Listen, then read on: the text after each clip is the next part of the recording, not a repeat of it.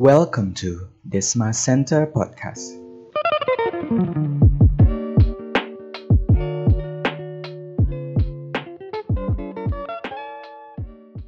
Selamat pagi, selamat siang, dan selamat malam pendengar dari Desma Inspira Podcast. Senang sekali kita dapat berjumpa lagi pada episode ini. Seperti biasa, saya Algi akan menjadi host Desma Inspira Podcast. Tapi saya tidak sendiri, karena saat ini saya ditemani oleh Gaby. Halo semuanya. Di episode kedua Telisik Destinasi ini, kita sudah kedatangan Pak Arif selaku founder dari Orang Utan Applause yang akan berbagi cerita dan kisah mengenai community tour operator di Tanjung Puting. Apa kabar Mas Arif? Baik, selamat siang para pendengar Desma Inspira Podcast. Oke, untuk awal-awal boleh tolong diperkenalkan diri dulu nggak nih Mas Arif? Kayak siapa sih Mas Arif ini dan gimana latar belakang dari Orang Utan Applause? Oke, baiklah. Saya Arif Nugroho. Saya tour guide di Taman Nasional Tanjung Puting. Saya bekerja untuk Orangutan Applause yang saat ini menawarkan pengalaman eksplorasi Taman Nasional Tanjung Puting untuk melihat orangutan di habitat alaminya. Kami memulai usaha ini karena ketertarikan pada kegiatan kealaman dan pengamatan satwa liar, sekaligus melihat peluang bahwa kegiatan ekowisata akan memberikan dampak baik terhadap masyarakat lokal dengan ketersediaannya lapangan pekerjaan ramah lingkungan. Sehingga diharapkan satwa liar dan alam akan terjaga kelestariannya. Oke mas, nah kalau misalnya selain daya tarik yang tadi ada monyet-monyet itu, di Tanjung Puting sendiri keistimewaan lainnya ada apa ya mas sehingga wisatawan tuh mau berlomba-lomba datang untuk berkunjung? Kalau tadi yang ada ekowisata, selain itu ada apa lagi ya mas? Wah, ini pertanyaan yang menarik. Barangkali sahabat Desma Inspira sudah ada yang pernah ke Tanjung Puting. Belum. oh, belum ya. Belum. Baik, saya ceritain sedikit tentang Tanjung Puting. Bagus. Tanjung Puting adalah kawasan konservasi yang kalau dilihat di peta, teman-teman bisa cek di ujung barat daya di sebelah Kalimantan gitu. Di, kalau lihat peta Kalimantan berada di tepat di ujung barat daya, berbatasan langsung dengan Laut Jawa. Secara administratif, Tanjung Puting berada di dua kabupaten, wilayah kabupaten yang yaitu Kota Waringin Barat dan Sukamara. Yang keduanya berada di Provinsi Kalimantan Tengah. Suaka Marga Satwa Tanjung Puting dulunya yang ditetapkan pada tahun 1936. Wah, ya sudah lama banget ya. Tapi dengan luasan yang cukup sedikit, sekitar 100 ribu hektar saja. Dan kemudian direvisi statusnya tahap bertahap sampai pada tahun 1996 menjadi Taman Nasional dengan luas wilayah mencapai 415 ribu hektar. Dan ini hampir segede Bali, bayangin nih. Wah. Meskipun demikian pada tahun 2011 itu direvisi lagi menjadi 408 ribu hektar. Secara internasional, Taman Nasional Tanjung Puting juga ditetapkan sebagai cagar biosfer, sorry, cagar biosfer oleh UNESCO. Itu ditunjuk pada tahun 1977, kemudian ditetapkan pada tahun 1982. Tidak itu saja, Tanjung Puting juga ditetapkan sebagai Ramsar Site karena uh, wetlandnya yang cukup luas di kawasan Taman Nasional. Secara ekologi, Taman Nasional Tanjung Puting sangat penting sebagai catchment area dan fungsi hidrologi serta penyediaan oksigen.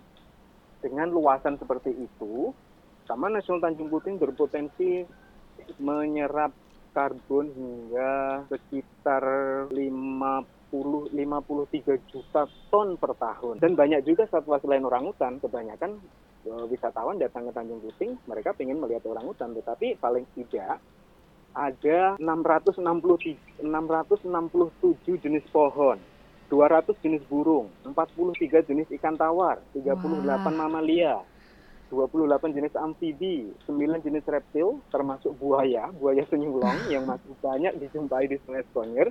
Dan teman-teman bisa lihat kalau ke sini. Dan 9 primata yang di dalamnya adalah orang utan. Dan saat ini menurut Orangutan Foundation International, eh, populasi orangutan di Taman Nasional Tanjung Puting diperkirakan sekitar 6.000 individu dan itu mungkin mungkin sekali lebih jumlahnya dilihat dari banyaknya eh, bayi yang lahir di, disiapkan. Artinya apa? orang hutan yang hidup di Taman Nasional Tanjung Puting itu hampir 10% dari populasi orang hutan Kalimantan yang ada di dunia. Wow, ini Wah, cukup hebat menarik kan? banget, Mas. Iya mas. Keren banget. Jadi ternyata lebih kompleks daripada cuma selama ini yang kita tahu kalau Tanjung Puting itu orang hutan doang. Betul sekali. Kita juga ada bekantan dan ini hanya dijumpai di Kalimantan. Kalau Betul. orang hutan kan paling tidak kita bisa melihat di Sumatera dan Kalimantan. Oke mas, kalau selama di Tanjung Puting ini kegiatan apa aja yang bisa dilakukan oleh wisatawan? Wah, kayaknya udah nggak sabar mau ke Hmm, Taman Nasional Tanjung Puting ya. banget, Mas. Baik, biasanya wisatawan eh, kami tawarkan pengalaman yang sangat unik untuk melihat orangutan di habitat alaminya. Ingat ya, ini di habitat alaminya. Jadi ada beberapa rule tentunya nanti yang akan kita sampaikan karena kita harus mengikuti aturan ketika memasuki kawasan Taman Nasional. Berdasarkan exit survey yang dilakukan sebuah lembaga, eh, 97% wisatawan yang datang ke Taman Nasional Tanjung Puting mereka pengen melihat orangutan. Baru sekitar 63 persennya pengen eh, pengalaman untuk tinggal di kelotok. Kemudian yang lainnya adalah dengan eh, menikmati landscape-nya. Jadi eh, wisatawan datang ke sini, mereka tinggal di sebuah kapal, kapal kayu tradisional dan kapal itu yang akan menyusuri Sungai Sukonyer membelah hutan belantara Kalimantan. Dan teman-teman bisa menyaksikan betapa indahnya pepohonan tinggi, sungai dengan airnya yang hitam karena peatland forest dan juga berbagai macam satwa liar yang ada di yang ada di dalamnya. Tidak hanya orang hutan seperti yang sebutkan tadi, ada bekantan, si hidung besar, simbolnya dufan, pasti teman-teman sudah sangat familiar dengan itu. Betul. Kemudian ada juga monyet ekor panjang. Kemudian ada juga buaya senyulong. Buaya senyulong ini buaya sapit yang mempunyai mulut yang panjang. Biasanya kita sebut dengan fish eating crocodile. Ada juga buaya yang lain, buaya muara yang cukup ganas, yang biasa kita sebut dengan man eating crocodile. Mereka lebih terkenal dengan uh, pemangsa manusia karena memang uh, lebih ganas dari buaya yang lain. Tidak hanya reptile dan juga orangutan primates, tetapi kita juga bisa menikmati berbagai jenis burung, misalkan seperti burung rangkong atau burung hornbill yang mereka punya paruh sangat besar. Bulunya yang cantik, paruhnya yang berwarna menarik, dan ini sangat dekat dengan simbol suku indigenous people di, di Borneo, di Kalimantan, yaitu suku Dayak. Kalau teman-teman ke tempat e, desa Dayak, teman-teman akan banyak melihat simbol-simbol burung enggang atau burung rangkong ini di dalam keseharian mereka. Ada juga burung yang kita bisa kita temui di Taman Nasional, misalkan burung bangau tom atau tomsok. Tomsok ini cukup menarik karena berdasarkan IUCN (International Union for Conservation of Nature), populasinya tinggal 500 individu di dunia. Nah, ini kita bisa lihat di Taman Nasional Tanjung Puting salah satunya. Nah, keren banget Mas udah ngedengerin kayak gitu jadi makin tertarik banget untuk ke sana secepatnya. Ya, Nah. ya harus datang dong setelah pandemi nanti ya. Betul pastinya. Nah, Mas aku mau nanya, kalau untuk wisatawan yang datang selama ini tuh lebih banyak wisatawan Nusantara dari Indonesia atau banyakan dari mancanegara asing? Wah, keren nih. Jadi memang paling tidak se- selama 10 tahun terakhir paling banyak sih eh, pengunjung di Taman Nasional Tanjung Puting masih wisatawan mancanegara. Misalkan kita bisa lihat data yang terakhir tahun 2019. Itu kita kedatangan hampir 25 ribuan. Jadi ada sekitar 14.500 wisatawan mancanegara. Kemudian ada sekitar hampir 11.000 eh, wisatawan domestik sekarang sebetulnya wisatawan domestik sudah, sudah lebih banyak berkunjung ke Taman Nasional Tanjung Puting karena juga didukung oleh publikasi dari sosial media, dari teman-teman blogger, dari teman-teman vlog, dari teman-teman influencer, juga banyak stasiun ta- eh, televisi yang menayangkan tentang adventure di Taman Nasional Tanjung Puting. Jadi paling tidak memang trennya beberapa banget. tahun terakhir ini kunjungan domestik itu cukup meningkat, tetapi masih yang terbanyak adalah wisatawan mancanegara. Oke.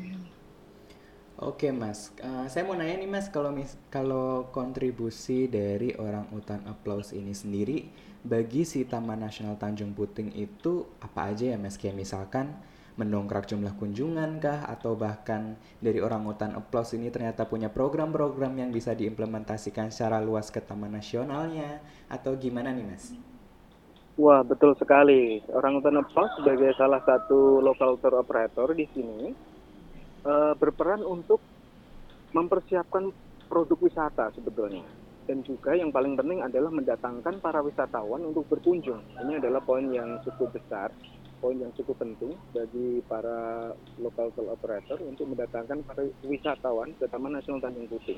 Dan di sisi lain, eh, dari pendapatan negara bukan pajak atau PNBP pada tahun 2019 itu Taman Nasional Tanjung Puting cukup rekor yang cukup cukup cukup besar itu mampu mengumpulkan sekitar 6,1 hampir 6,2 miliar rupiah dari pendapatan eh, kontribusi tiket masuk. Dan beberapa lokal tour operator juga mempunyai program misalkan kayak seperti orang Ikan Applause juga sedikit yang bisa kita lakukan untuk memberikan sesuatu balik ke alam yaitu dengan sejak tahun 2015 kita mengadakan program one trip one tree gitu. Jadi selain berwisata kita juga mengajak eh, wisatawan untuk menanam pohon. Semoga ini menjadi sesuatu hal yang baik bagi lingkungan. Bagus banget mas programnya kayak gitu. Kayak mendorong wisatawan untuk berpartisipasi ya. Jadinya Betul sekali. nggak cuma meninggalkan jejak, tetapi ikut meninggalkan jejak lewat menanam Pohon. pohon. Nah Iya, mas, meskipun meskipun masih sangat kecil. iya sih. Tapi Iya. sedikit-sedikit lah nanti menjadi gunung banyak. Iya, betul. kan kalau dulu perkataannya kayak gitu.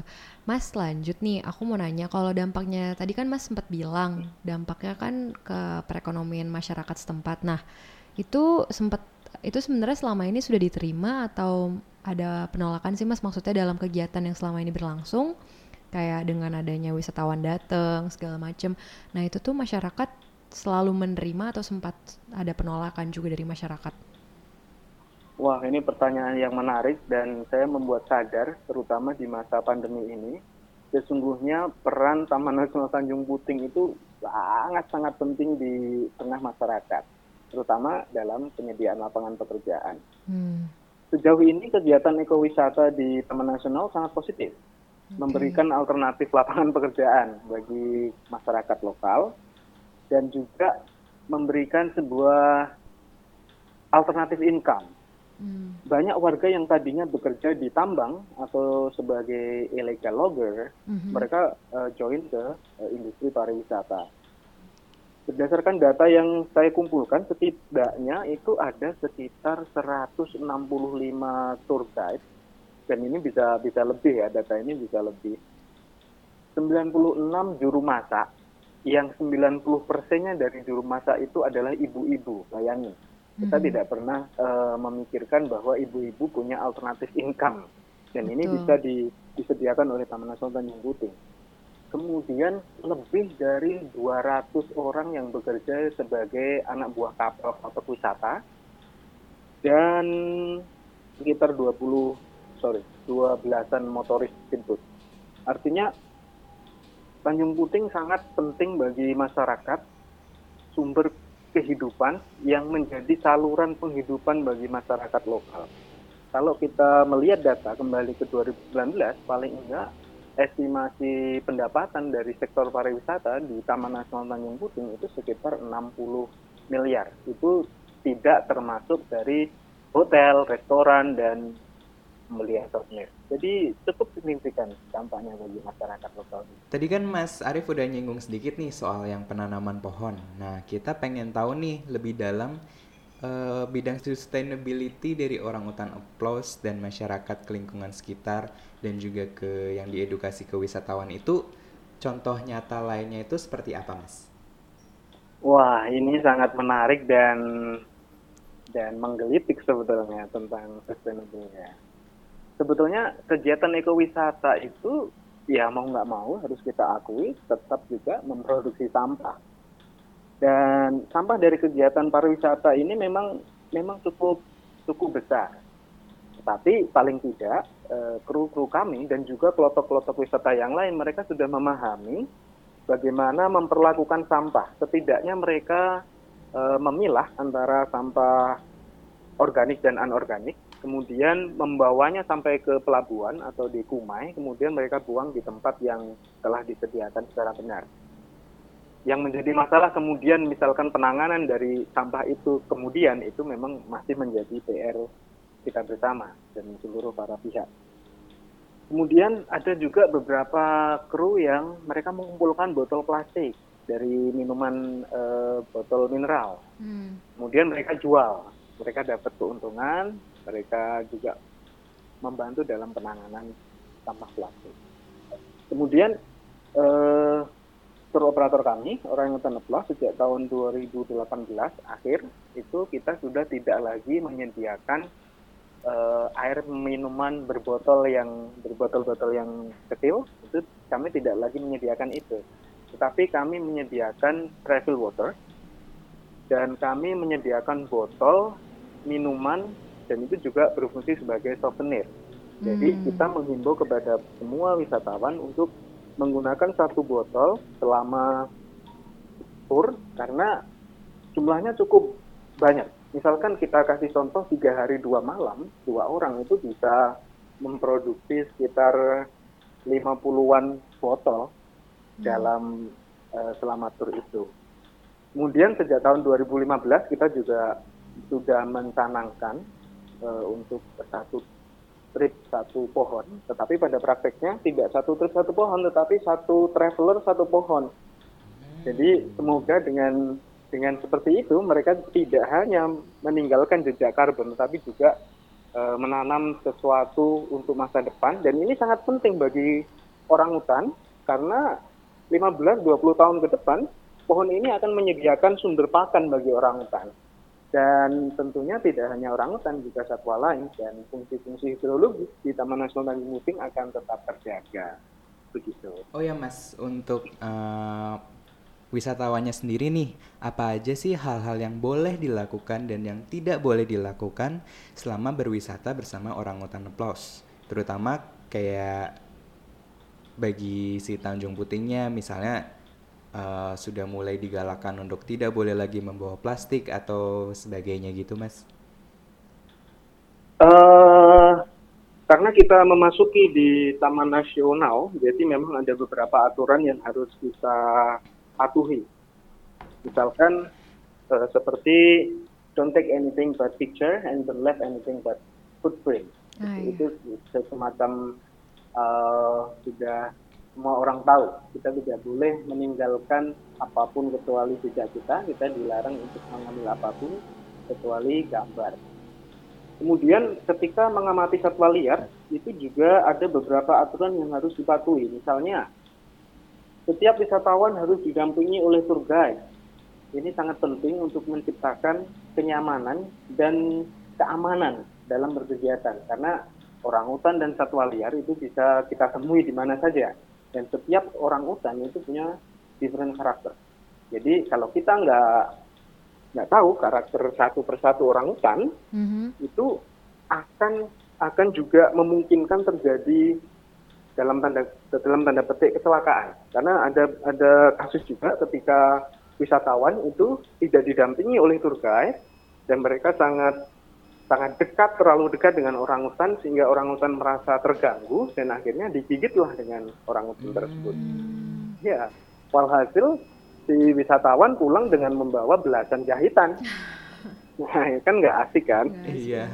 Tapi seru banget ya, berarti kita benar-benar ke tempat ya ke habitatnya orang hutan ke jadi mereka. ke rumahnya mereka gitu kan langsung Betul sekali. sama mereka dan kita juga harus sama tour guide itu kan berarti kan ada pengawasan kan berarti kan dari orang hutan yeah. proses supaya kita juga nggak macem-macem nggak nakal-nakal apalagi anak-anak kan biasanya kalau misalnya dateng pengen usil pengen ngasih apa bagus juga sih mas untuk controllingnya berarti ya. Iya betul sekali. Kayak misalkan kalau kita ketemu orang hutan, kita harus selalu menjaga jarak aman, kira-kira 5 meter. Artinya kalau orang hutan berusaha mendekati kita, kita Hmm. ada waktu untuk menjaga jarak dan pergi begitu. Oh jadi paling de- Kemudian paling dekatnya kita eh, sebagai wisatawan untuk berinteraksi sama mereka dengan jarak 5 meter ya, nggak boleh lebih deket ya. iya betul banget. Oh, Kemudian kalau misalkan di feeding, kadang-kadang kan banyak juga orang hutan yang datang. Itu kita harus selalu ingat bahwa jangan sampai kita berdiri di antara jantan dan betina. Hmm, Karena- Kenapa tuh, Mas? kenapa tuh mas? Kalau misalkan mereka itu lagi courtship display, apa ya courtship display itu semacam mau mau kawin, Oh, saling musim ya saling apa itu saling memamerkan eh kalau misalkan orang hutan jantan nih dia pamer ke betinanya. keperkasaannya itu dengan merobohkan pohon-pohon dan itu sangat wow. Kekuatan orang hutan jantan itu delapan kali lebih kuat dari manusia normal. wah, Bayangin, jadi mereka mematahkan pohon setinggi apa itu sebesar paha kita itu dengan satu tangan aja. Itu sangat sangat riskan kalau kita berada di antara kedua mereka karena mereka akan saling mendekati dan kita pasti akan eh, berada di tengah-tengah yang sangat wah, sulit. ganas-ganas juga ya mas.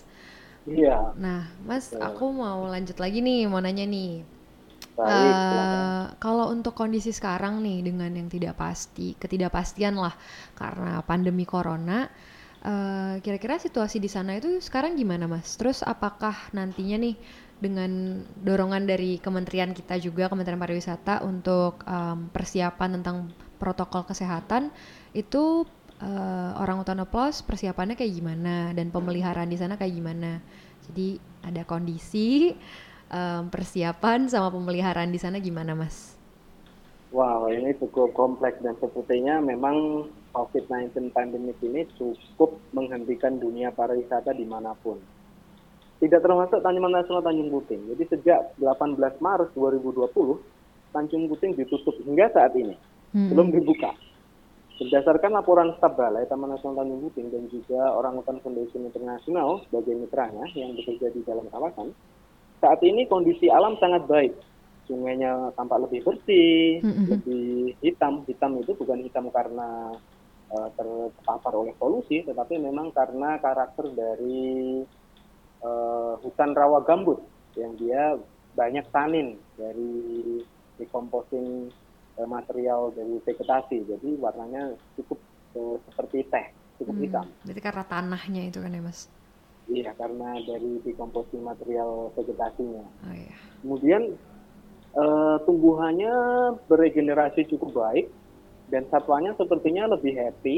Wah ini juga eh, menjadi PR kita bersama karena tercatat yang pertama itu banyak sekali orang hutan yang cukup confident datang ke feeding station. Kemudian juga perjumpaan satwa liar eh, itu cukup mena- naik drastis. Kayak misalkan jenis-jenis sifat atau tanggalung itu biasanya cukup cukup susah dilihat itu ada staf lapangan yang beberapa kali melihat dan cukup eh, frekuensinya cukup tinggi. Kemudian kayak jenis burung kayak misalkan burung-burung elusif yang pemalu seperti Crestless pileback itu juga sempat sering kali terlihat. Dan yang paling mengesankan adalah buaya sinulong. Jadi ada beberapa teman yang di desa, di desa di dekat eh, Taman Nasional, mereka sering meng- mengupdate status gitu di sosial media yang mem- memvideokan buaya senyulong sedang berjemur di tepian sungai dan itu sangat sangat banyak.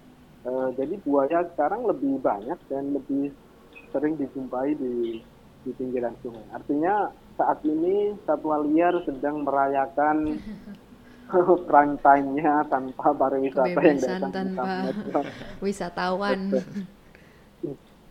Kalau Ya, di untuk sisi lain Taman Nasional Tanjung Puting sedang mempersiapkan protokol baru mengenai kunjungan Oke. dan sepertinya akan membatasi jumlah kunjungan sesuai dengan visitor carrying capacity. Oke. Jadi ke depan nih akan lebih susah kita berkunjung karena ada kuotanya tiap hari. Hmm. Tetapi paling tidak ini Taman Nasional Tanjung Puting bisa didorong menjadi sebuah destinasi yang premium tentunya. Betul. Kemudian eh, para pihak eh, seperti mitra dari Taman Nasional, katakanlah seperti OSI, Orang Conservation International, mereka juga melakukan pembenahan. Seperti memperbaiki bangunan, kemudian eh, mempersiapkan dan memperbaiki information center yang ada di Camp Liki dan juga bekerja sama dengan Karang Taruna di desa dan beberapa NGO yang bekerja di Taman Nasional, mereka juga melakukan perawatan dan pembersihan jalur sungai. Orang hutan Aplo sendiri saat ini sedang mempersiapkan virtual tour dan semoga ini bisa menjadi ajang untuk promosi sehingga ketika Tanjung Puting dibuka tentunya pemulihannya akan lebih cepat karena orang akan lebih tahu sebenarnya. Oh ya mas, gimana nih misalkan prosedur orang ketika pengen booking ketika nanti setelah nonton virtual tournya orang-orang pengen datang itu kalau mau booking itu gimana mas menghubungi siapa harus kontaknya bagaimana Wah, udah pengen banget ya. Nanti pokoknya setelah pandemi pokoknya langsung tuh gas Langsung cus. Nasional Puting. Jika teman-teman menginginkan pengalaman tak terlupakan, tinggal di rumah kapal klotok, menyusuri sungai di tengah belantara hutan tua Kalimantan, menyapa orang hutan dan juga satwa liar yang mereka berada di habitat alaminya, teman-teman silahkan kunjungi website kami di orangutanapplaus.com atau juga bisa kirim email ke kami di alamat borneoprimate@gmail.com. Terakhir nih mas, ada saran nggak untuk community tour operator di destinasi lain yang mungkin sedang struggle juga dan ada tips and trick nggak buat mereka gimana cara mengatasinya? Wow, ini sekarang yang paling penting buat teman-teman ini sebetulnya adalah survival. survival, kemudian melakukan penghematan, tetapi tetap jaga semangat dan jaga produktivitas. Ini saatnya kita melakukan evaluasi dan berbenah untuk menyambut tentunya gelombang kunjungan tahun depan. Kita harus siapkan. Dan bagi rekan-rekan yang punya cukup waktu, silahkan teman-teman bisa mencoba untuk membuat virtual tour. Karena selain juga bisa menjadikan alternatif sumber pendapatan, yang paling penting adalah virtual tour ini sebagai media promosi. Jadi setelah pandemi berakhir, eh, recovery dari kegiatan wisata ini bisa berjalan lebih cepat. Semoga ini membantu. Ya, jadi secara nggak langsung si virtual tour ini bisa jadi strategi promosi yang sangat baik ya mas. Jadi kan bikin orang, aduh pengen dateng, aduh pengen banget nih main sama orang hutannya gitu kan.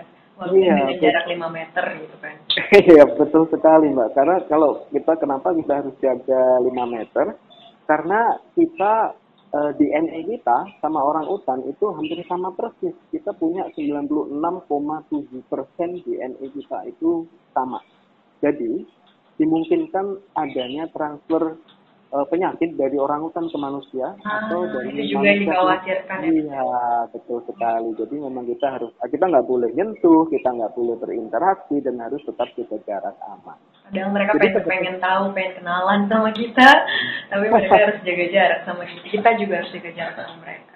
Iya, jadi physical distancing itu sebetulnya sudah menjadi Sudah diterapkan sama si orang utara plus dari dulu.